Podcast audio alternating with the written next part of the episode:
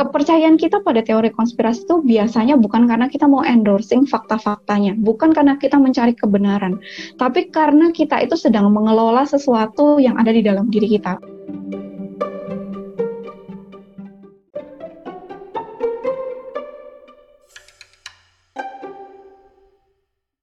uh, teman-teman ketemu lagi di podcast Mini Academy. Kali ini kita akan bahas sesuatu yang seru banget, apalagi di tengah situasi pandemi ini yang sering muncul yaitu teori-teori konspirasi. Kenapa sih orang percaya sama teori konspirasi dan bagaimana kita menghadapi orang-orang yang percaya teori, teori konspirasi?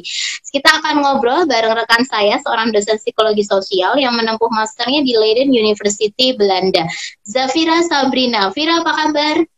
Baik, halo Mbak Saki, makasih kesempatannya. Iya, ini Vira mau tanya nih. Uh, kita kemarin sempat ngobrol ya di Instagram dan ini kita pengen lanjutin obrolan kita. Kenapa sih uh, muncul teori-teori konspirasi itu dalam berbagai situasi? Gak cuma pandemi nih, dalam berbagai uh, situasi yang lain kan juga sering muncul teori-teori konspirasi. Ya Mbak, memang uh, seorang ahli di UK namanya Profesor hmm. Karen Douglas yang meneliti tentang psikologi teori konspirasi itu menemukan beberapa situasi di mana teori konspirasi itu tumbuh subur. Yang pertama adalah situasi yang penuh dengan ketidakpastian, kedua situasi yang menciptakan painful experience untuk seseorang atau uh, pengalaman yang menyakitkan begitu. Lalu yang ketiga adalah kondisi-kondisi tragedi. Nah, apa maksudnya? Aku coba jelasin. Situasi yang serba tidak pasti, sebagaimana kita alami saat ini dengan COVID-19, itu kan penuh dengan kebingungan ya, Mbak. Uh, ada okay. orang yang bilang harusnya kita pakai masker, ada yang bilang jangan pakai masker, yang pakai masker itu cuma dokter-dokter sama orang yang sakit. Lalu ada kebingungan juga siapa yang paling rentan terhadap COVID-19 ini. Pokoknya semua serba membingungkan. Nah, dalam rangka mengatasi kebingungannya, ada sebagian orang yang meng, yang memilih untuk membuat kepastiannya sendiri dengan memunculkan sebuah teori konspirasi. Gitu. Hmm. Itu adalah salah satu kondisi di mana uh, pandemi, eh sorry, teori konspirasi itu muncul. Hmm. Lalu hmm. yang kedua adalah um, pengalaman yang menyakitkan. Maksudnya hmm. pengalaman yang menyakitkan itu pengalaman yang secara psikologis menyakitkan ya. Um, mm-hmm. Contohnya begini, uh, aku mau ngarang sebuah uh, cerita. Mm-hmm. Si A katakanlah, katakanlah namanya Aura gitu ya. Aura ini punya saudara sepupu yang sangat-sangat dia sayangi, yang belum lama ini meninggal karena uh, kanker serviks. Padahal mm-hmm. diketahui bahwa saudara sepupunya ini itu beberapa tahun lalu sudah suntik HPV yang menurun harusnya menurunkan kemungkinannya dia kena kanker serviks. Tapi kok dia tetap uh, kena dan meninggal gitu. Nah, Laura terpukul, dia merasa sakit hati, kemudian merasionalisasikannya dengan cara yang kurang tepat, yaitu dengan berpikir bahwa, oh berarti vaksin ini nggak ada gunanya. Vaksin ini hmm. paling-paling adalah buatan perusahaan obat yang ingin meraup, meraup keuntungan sebanyak-banyaknya. Saya sebut. Hmm. Itu adalah alasan munculnya teori konspirasi yang kedua. Ketiga hmm. adalah uh, kondisi tragedi. Kondisi tragedi yang banyak memunculkan teori konspirasi adalah meninggalnya seorang tokoh masyarakat yang sangat disayangi oleh rakyatnya, misalnya meninggalnya Lady Diana pada tahun hmm. uh, 90-an ya. Nah, hmm. Lady Diana itu kan sebenarnya meninggal dalam uh, kecelakaan mobil yang mana drivernya itu mabuk tapi orang nggak mau percaya. Orang percaya bahwa ada yang bilang bahwa Lady Diana masih hidup, nggak mungkin dia mas udah meninggal itu semua hanya rekayasa. Ada yang bilang juga bahwa Lady Diana itu dibunuh oleh MI6 karena dia cerai sama Prince Charles kayak gitu. Nah itu adalah um, situasi ketiga yang memunculkan teori konspirasi. Tiga situasi ini itu sebenarnya punya benang merah, mbak. Kalau di psikologi benang merah itu disebut sebagai um, proportionality bias atau bias proporsionalitas. Yang mana hmm. bias proporsionalitas itu mengatakan bahwa manusia punya tendensi untuk berasumsi bahwa kejadian yang besar itu harusnya penjelasannya juga besar. Jadi misalnya COVID-19, banyak banget orang meninggal, kita nggak boleh keluar rumah, nggak boleh kerja, eh, nggak punya tabungan lagi, tabungan mulai terkuras, tapi kita tetap harus stay at home. Itu kejadian yang sangat besar. Tapi masa penjelasannya sesederhana ada virus yang bermutasi di alam. Itu nggak masuk akal bagi sebagian orang. Maka dia memilih untuk percaya atau memilih untuk membuat narasi yang menurut dia sepadan dengan besarnya fenomenanya. Begitu pula dengan kasus Diana tadi. Masa Diana yang orang sepenting itu bisa disetir sama orang mabuk, itu nggak masuk akal bagiku. Aku mau memilih untuk membuat teori sendiri yang menurutku sepadan dengan besarnya fenomena itu. kayak gitu mbak. Oh. Nah, jadi uh, utamanya sih tiga situasi itu ya, walaupun ada faktor-faktor lain, misalnya ketidakpercayaan pada pemerintah dan figur otoritas dan juga kepentingan pribadi itu juga bisa mempengaruhi seseorang membuat teori konspirasi. Tapi umumnya tiga yang tadi aku sebutkan tadi. Oh oke, okay. situasi ketidakpastian, painful experience, dan kondisi tragedi gitu ya. Dan tendensinya manusia tuh pengen kejadian besar, penjelasannya juga harus besar gitu. Ini penjelasan uh, eh, COVID-19 ini nggak termasuk besar ya? Maksudnya apakah itu berbeda gitu antar orang, uh, Zafira, penerimaannya? Misalnya aku nih merasa ada virus yang bermutasi, bla bla bla, itu kan udah yang uh, bagi gue itu ngeri gitu, itu besar. Hmm. Apakah ada orang lain yang tidak menganggap itu tuh sebagai penjelasan yang besar juga gitu? Nah, ya memang juga ada faktor kepribadian juga Mbak dalam kepercayaan kita pada teori konspirasi.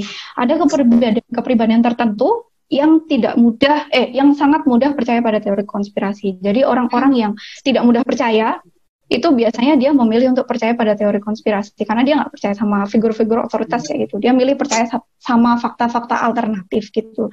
Tipe kepribadian yang uh, tidak mudah diajak bekerja sama. Itu juga tipe-tipe orang yang uh, lebih mudah percaya pada teori konspirasi. Orang yang need for uniqueness-nya tinggi. Karena teori konspirasi itu kan spesial ya. Nggak banyak orang yang percaya. Jadi dia uh, orang yang need for uniqueness-nya tinggi itu cenderung lebih percaya pada teori konspirasi. Makanya ada perbedaan antar individu dalam kaitannya dengan kepercayaan pada teori konspirasi. Gitu. Oh gitu, wow, wow, Uh, menarik ini. Nah, terus uh, kalau tadi ini lanjut nih. Tadi salah satunya kepribadian. Ada nggak faktor-faktor lain yang membuat orang itu percaya gitu dengan teori konspirasi? Yang orang yang tidak membuatnya ya, yang bukan pembuat tapi dia cuma hmm. mendengar lewat broadcast, bahkan baca broadcast. Apa selain kepribadian tertentu tadi faktor lainnya, Safira? Ya, jadi sebenarnya udah banyak banget mbak penelitian uh, psikologi dalam kaitannya dengan teori konspirasi yang menemukan bahwa uh, banyak juga faktor yang berkaitan dengan konspirasi belief. Antara lain faktor uh, lingkungan sosial juga dengan faktor kesehatan mental, lalu bias kognitif, tapi dalam kesempatan ini karena banyak banget aku pengen bahas yang paling relevan dengan situasi kita yang sedang menghadapi pandemi yaitu faktor ketidakpastian. Nah, dalam situasi tidak pasti saya sudah sebutkan bahwa orang itu kemudian memilih untuk membuat uh, narasinya sendiri tentang kenapa sesuatu terjadi. Nah, dalam situasi yang tidak pasti pula, penelitian menemukan bahwa orang itu lebih mudah, lebih tinggi kecenderungannya untuk percaya pada teori konspirasi. Karena dia kita jadi punya sebuah pemaknaan yang pasti gitu. Sebagai contoh, kalau kita saat ini percaya dengan penjelasan pemerintah atau WHO tentang COVID-19, itu semuanya serba tidak pasti. Kapan pandemi ini berakhir, uh, terus kemudian apa penyebabnya itu apa? Apakah dia bermutasi dalam uh, tubuh manusia atau bermutasi dalam tubuh hewan itu juga belum pasti. Sementara kalau kita percaya pada satu teori konspirasi aja, misalnya kita percaya pada teori konspirasi yang mengatakan bahwa COVID-19 adalah senjata buatan Amerika yang ingin menghancurkan Cina, itu semuanya jadi jelas, jelas. Dalangnya jelas, kemudian motifnya juga jelas. Sehingga kita tahu harus bersikap seperti apa. Sikap da, sikap ini mungkin nggak ada kaitannya dengan, maksudnya gini, uh, ketika kita memiliki sikap yang jelas, kita tuh merasa lebih in control, walaupun ya nggak menyelesaikan situasinya juga, tapi kita hmm. lebih merasa in control terhadap situasinya. Kita bisa maki-maki Amerika, kita bisa memboikot produk Amerika, bisa demo ke di depan kedutaan Amerika. Itu hmm. membuat kita feel better, walaupun nggak menyelesaikan masalahnya juga, kayak gitu. Nah, oh. Nah, Mm -mm, jadi dengan feel better ya karena orang jadi merasa uh, puas gitu, merasa jelas, merasa punya hal yang bisa dia lakukan, membuat emosinya lebih baik gitu. Iya, jadi dengan kita itu memberi makna pada situasinya, kita lebih merasa in control. Karena kita merasa in control, kita bisa uh, merasa lebih baik emotionally. Karena kan uh, kalau kita pikir-pikir uh, situasi pandemi ini kan membuat kita cemas banget ya.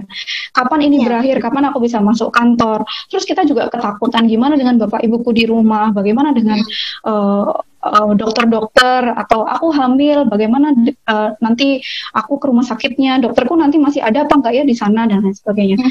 Nah dengan kita itu memberi makna, terus kita menjadi lebih in control, kita mengurangi rasa cemas dan takut itu, itu mbak tapi mempengaruhi perilaku kita nggak Zafira? Maksudnya jadi orang aku nggak usah pakai masker ah gitu karena ini ini cuma senjata buatan gitu itu ap apakah itu tuh akan mempengaruhi perilaku kita dalam situasi pandemi ini ya atau enggak enggak selalu begitu Oh, tentu banget. Hanya ya. sekedar sorry, hanya sekedar merasa lebih baik, tapi sebenarnya perilaku kita akan tetap patuh protokol gitu atau bagaimana? Sebenarnya itu uh, bisa dibilang balik lagi ke uh, apa namanya?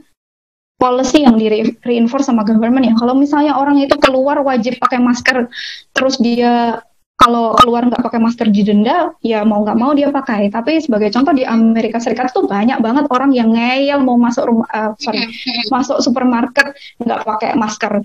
Itu banyak banget karena mereka percaya pada teori-teori konspirasi yang mengatakan bahwa ini tuh buatan manusia, ini tuh sebenarnya hanya hoax, uh, new world order dan lain sebagainya.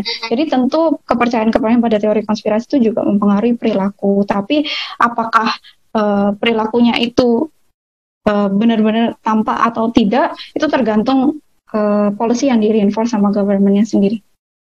Oh, Oke, okay. tergantung uh, kebijakannya pemerintah itu ya uh, terhadap situasi eh, pada orang-orang yang uh, di situasi seperti ini gitu mak maksudnya mm-hmm. Zafira gitu reinforcementnya. Nah berarti ini kan uh, pengaruh gini. Aku jadi berpikir uh, hal apa yang bisa membuat orang itu kemudian tidak dengan mudah percaya gitu. Uh, aku nggak bilang bahwa teori konspirasi itu pasti salah atau kan kita nggak tahu nih sama-sama ini hal yang tidak pasti dan kita nggak tahu gitu. Uh, apa yang membuat orang untuk bisa lebih berhati-hati gitu menangkap teori uh, terutama teori-teori konspirasi gitu karena kalau teori-teori konspirasi kan kita tahunya entah itu benar atau salah tapi tidak dikeluarkan secara resmi oleh lembaga berwenang kan begitu ya hmm. ya.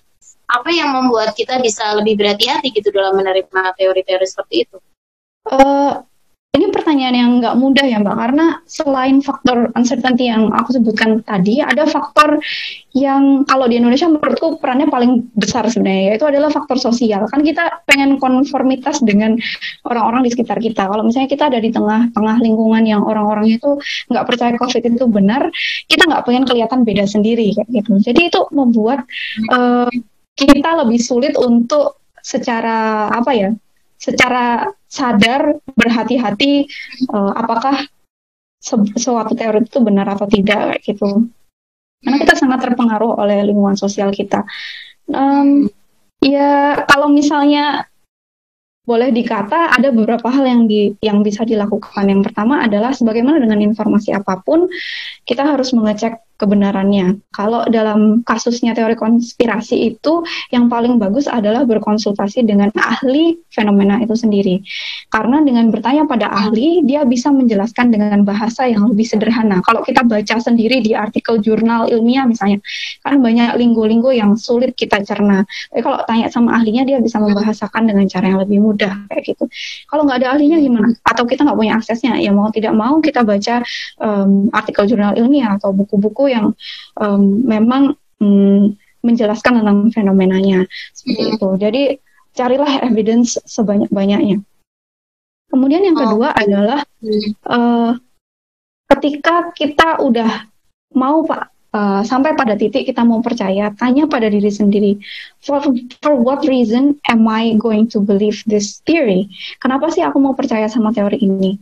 Ada sebuah quote di artikel yang saya baca di Business Insider yang mengatakan bahwa conspiracy belief is not about the fact, it's about the person. Maksudnya adalah kepercayaan kita pada teori konspirasi itu biasanya bukan karena kita mau endorsing fakta-faktanya, bukan karena kita mencari kebenaran, tapi karena kita itu sedang mengelola sesuatu yang ada di dalam diri kita, entah itu rasa takut, rasa cemas, uh, uh, rasa ketidakpastian, oh. atau kita itu mau uh, apa mau unggul, kelihatan unik, atau kita mau narsis gitu ya, menjadi center of attention dan lain sebagainya. Tanyakan pada diri kita, apa sih motifnya? Apakah aku benar-benar mau mencari kebenaran, atau ada sesuatu dalam diriku yang sedang taking over, something psychologically yang mau taking over um, hmm. logikku seperti itu. Nah, jadi hmm rethink again, rethink again ketika mau percaya suatu teori. Kayak gitu. Tanyakan terus pada diri sendiri kenapa kita mau percaya pada teori itu. Kalau emang betul kita mau percaya karena faktanya demikian, kita percaya bahwa faktanya memang demikian, ya sudah tidak apa-apa. Kayak gitu. Yang ketiga adalah ini agak-agak apa ya menurut saya agak-agak uh, menurut saya tuh agak flowery gitu. Dalam artian tuh sangat uh, kurang kurang uh, ya agak klise gitu. Tapi yang ketiga adalah dalam mengconsider apakah kita mau percaya teori konspirasi atau enggak, kita tuh harus jadi orang yang courageous atau jadi orang yang pemberani.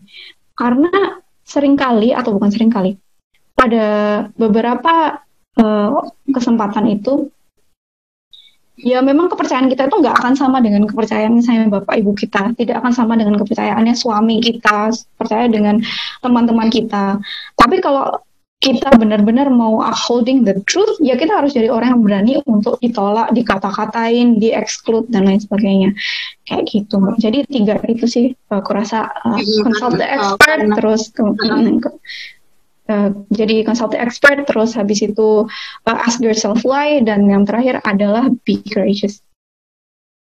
Oke, okay, gitu. karena tadi itu ya uh, lingkungan sosial itu juga sangat mempengaruhi gitu bias kognitif juga bias kognitif itu kan artinya uh, ada yang apa ada yang kurang pas aja kita dalam berpikir gitu sehingga kita harus rating uh, rating terus gitu. Kita harus berpikir ulang berpikir ulang apa yang sebenarnya uh, kita cari. Kenapa kita harus percaya satu teori tertentu gitu. Apakah ya. memang ini tadi menarik banget sih aku pengen nge-highlight soalnya apakah memang tentang faktanya atau sebenarnya kita tuh sedang mengelola sesuatu dalam diri kita?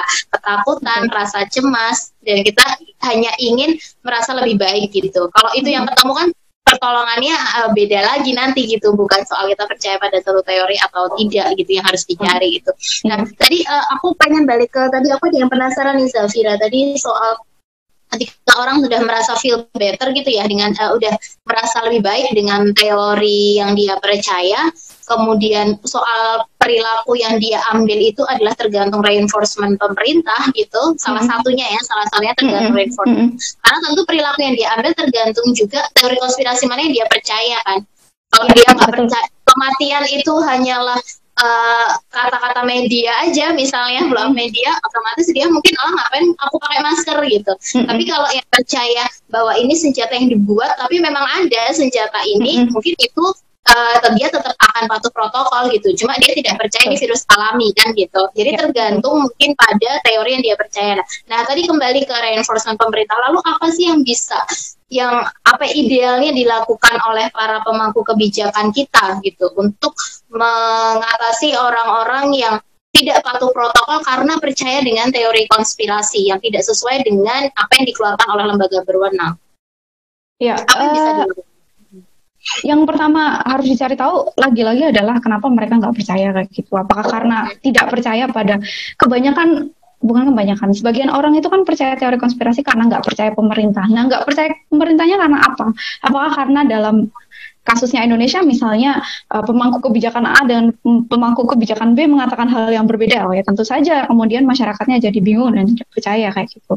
Apa yang perlu dilakukan? Uh, secara umum itu ada beberapa hal yang bisa dilakukan pemerintah dalam mengkomunikasikan um, situasi pandemi kepada masyarakatnya yang pertama adalah bahwa semua pemangku kebijakan itu harus mengatakan hal yang sama. Jadi jangan sampai mereka mengatakan hal yang berbeda-beda. Jadi itu mengincrease trust atau meningkatkan trust masyarakat pada pemerintah.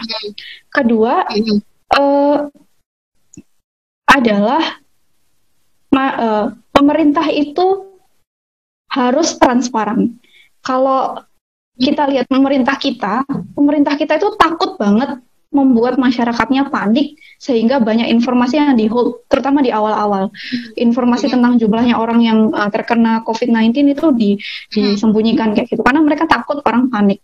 Tapi itu it's not the way to do it kayak gitu. Justru dengan kita holding information masyarakat panik masyarakat tidak percaya dan mencari sumber informasinya sendiri yang belum tentu benar hmm. yang ketiga adalah um, sampaikan dengan empati bahwa ada orang-orang di selama pandemi COVID ini yang benar-benar struggle.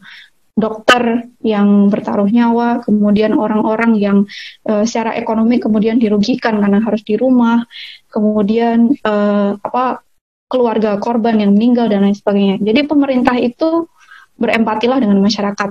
Semua ini tiga uh, tiga hal ini tuh sebenarnya bermuara pada satu uh, suatu hal yaitu peningkatan trust pada pemerintah. untuk memerangi satu persatu teori konspirasinya itu sulit sebenarnya karena yang perlu diketahui adalah orang itu believe what they want to believe kayak gitu. Kita mau menyajikan fakta apa pun, kalau misalnya mereka itu apa ya keluar eh masuk telinga kanan keluar telinga kiri itu ya sama aja gitu. Uh, itu kalau misalnya dalam psikologi uh, ada fenomena namanya confirmation bias. Jadi misalnya gini, uh, ini agak melenceng dikit ya, but anyway nggak apa-apa. Misalnya gini, mm -hmm. kalau aku adalah orang yang sedari dulu percaya bahwa Yahudi itu ingin menghancurkan Islam, kalau uh, ada teori konspirasi yang mengatakan bahwa vaksin itu adalah buatan Yahudi untuk menghancurkan umat Islam, maka aku lebih mudah menerima. Walaupun ada penjelasan resmi dari pemerintah yang mengatakan bahwa enggak kok vaksin itu udah dipastikan halal, udah dipastikan bahwa itu buatan dalam negeri segala macam. Kalau misalnya uh, teori konspirasi yang tadi udah terlebih dahulu per, uh, kita percaya dan mengkonfirm belief sistem kita yang sebelumnya, ya udah yang lain nggak nggak akan dipercaya walaupun disajikan dengan oh. fakta apa pun. Karena orang-orang yang punya teori yang percaya pada teori konspirasi itu juga punya fakta-fakta loh. Tapi mereka percaya pada fakta-fakta yang salah, walaupun mereka nggak percaya kalau itu salah. Gitu. Uh -uh. itu di depan false beliefs. Oh oke, okay. iya mereka narasinya kan kuat ya, narasi yeah. di teori konspirasi itu cukup kuat, fakta-faktanya itu juga kadang membuat kita uh, membuat orang itu bisa berpikir oh ya juga ya gitu. Bisa jadi ya gitu. Mereka bisa merangkai itu dengan sangat baik gitu. Nah tadi kalau berarti kalau dari pemerintah tadi itu yang bisa dilakukan intinya untuk meningkatkan trust gitu. Uh, termasuk salah satunya informasi yang justru yang clear daripada yang uh, informasinya itu di hot. Nah, kalau kondisi sekarang nih Fir, kita ke kondisi sekarang ini kan pemerintah udah cukup terbuka. Udah cukup banyak informasi apa statistik juga sudah ditampilkan gitu dan sebagainya gitu. Kita tahu ada orang-orang yang meninggal uh, dengan berbagai cerita yang penuh empati juga di situ gitu. Tapi masih uh, justru kayak makin ke sini orang aku nggak tahu ya entah ada faktor stres karena di rumah terus atau gimana gitu. Orang juga um, masih justru yang berita-berita empatik dan sebagainya tadi kemudian dibantah gitu dengan dengan teori-teori baru lagi. Teori-teori yang dulu udah pas awal nggak ada terus sekarang muncul lagi ah kematian itu ya. hanya bla bla bla gitu. Nah itu uh, seperti apa apalagi yang kurang gitu loh Fir yang harus dilakukan gitu.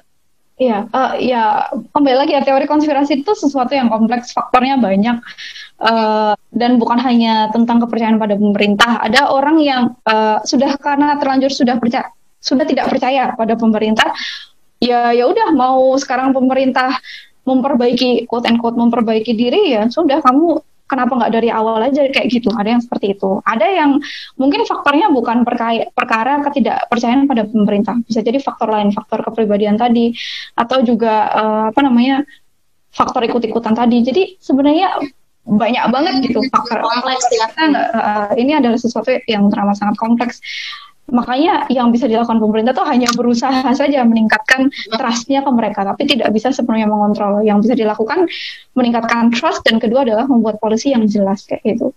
Oh jadi, ya polisinya tadi saya jadi enforcement ya. Uh, uh, jadi, jadi walaupun nggak percaya ya ya udah mau nggak percaya nggak apa-apa tapi aturannya kayak gini kayak gitu. Uh, oh ya yang penting patuh uh, protokol gitu. Kalau tadi kita bicara Amerika nih, uh, yang tadi contoh yang Fira berikan, ada nggak pengalaman negara lain yang mungkin minim orang-orang yang percaya teori konspirasi gitu, ada nggak sih? Uh, kebetulan aku punya contoh yang uh, bagus banget. Beberapa minggu yang lalu aku mengikuti conference yang diisi oleh konsultan behavioral science untuk pemerintah kota Roma selama pandemi COVID-19. Nah, ada pertanyaan yang dilontarkan ke namanya Luka. Luka, um, di Roma itu apa yang kamu lakukan untuk membantu mengatasi teori konspirasi?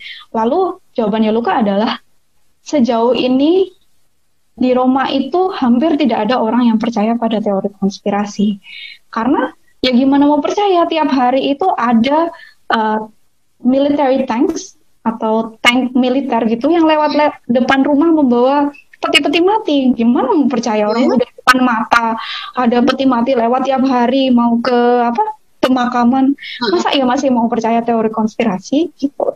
Nah, itulah yang dalam psikologi dikenal dengan identifiable identifiable victim effect atau jadi uh, apa ya istilahnya itu kita jadi melihat sendiri, memvisualisasikan hmm. sendiri victimnya itu siapa.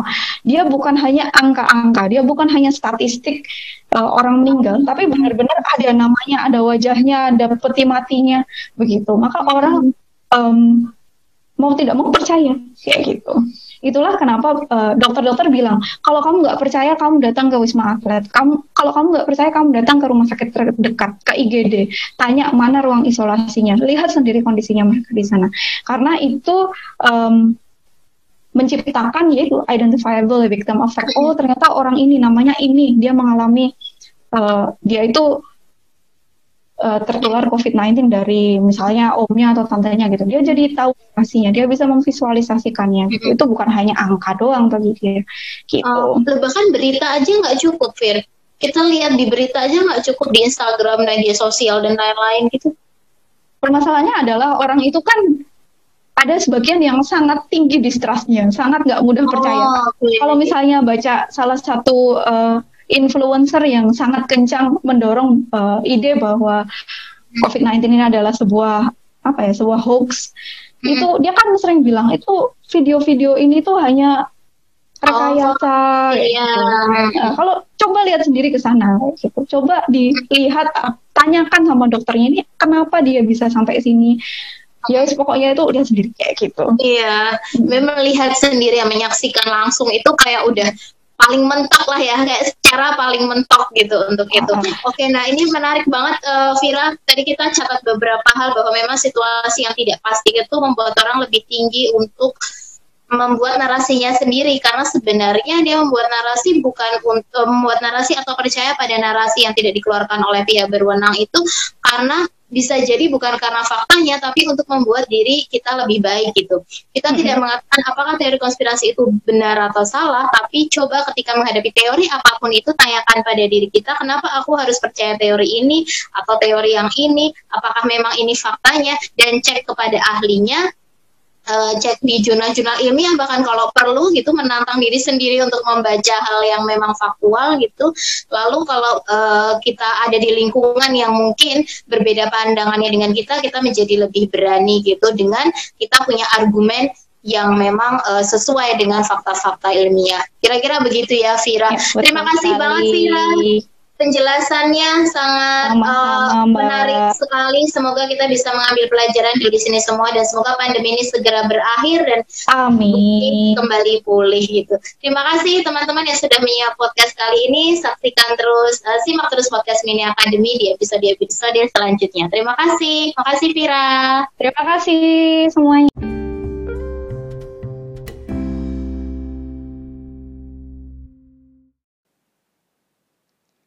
Demikian seri podcast kali ini. Jangan lupa follow Instagram kami miniacademy dan kunjungi website miniacademy.id.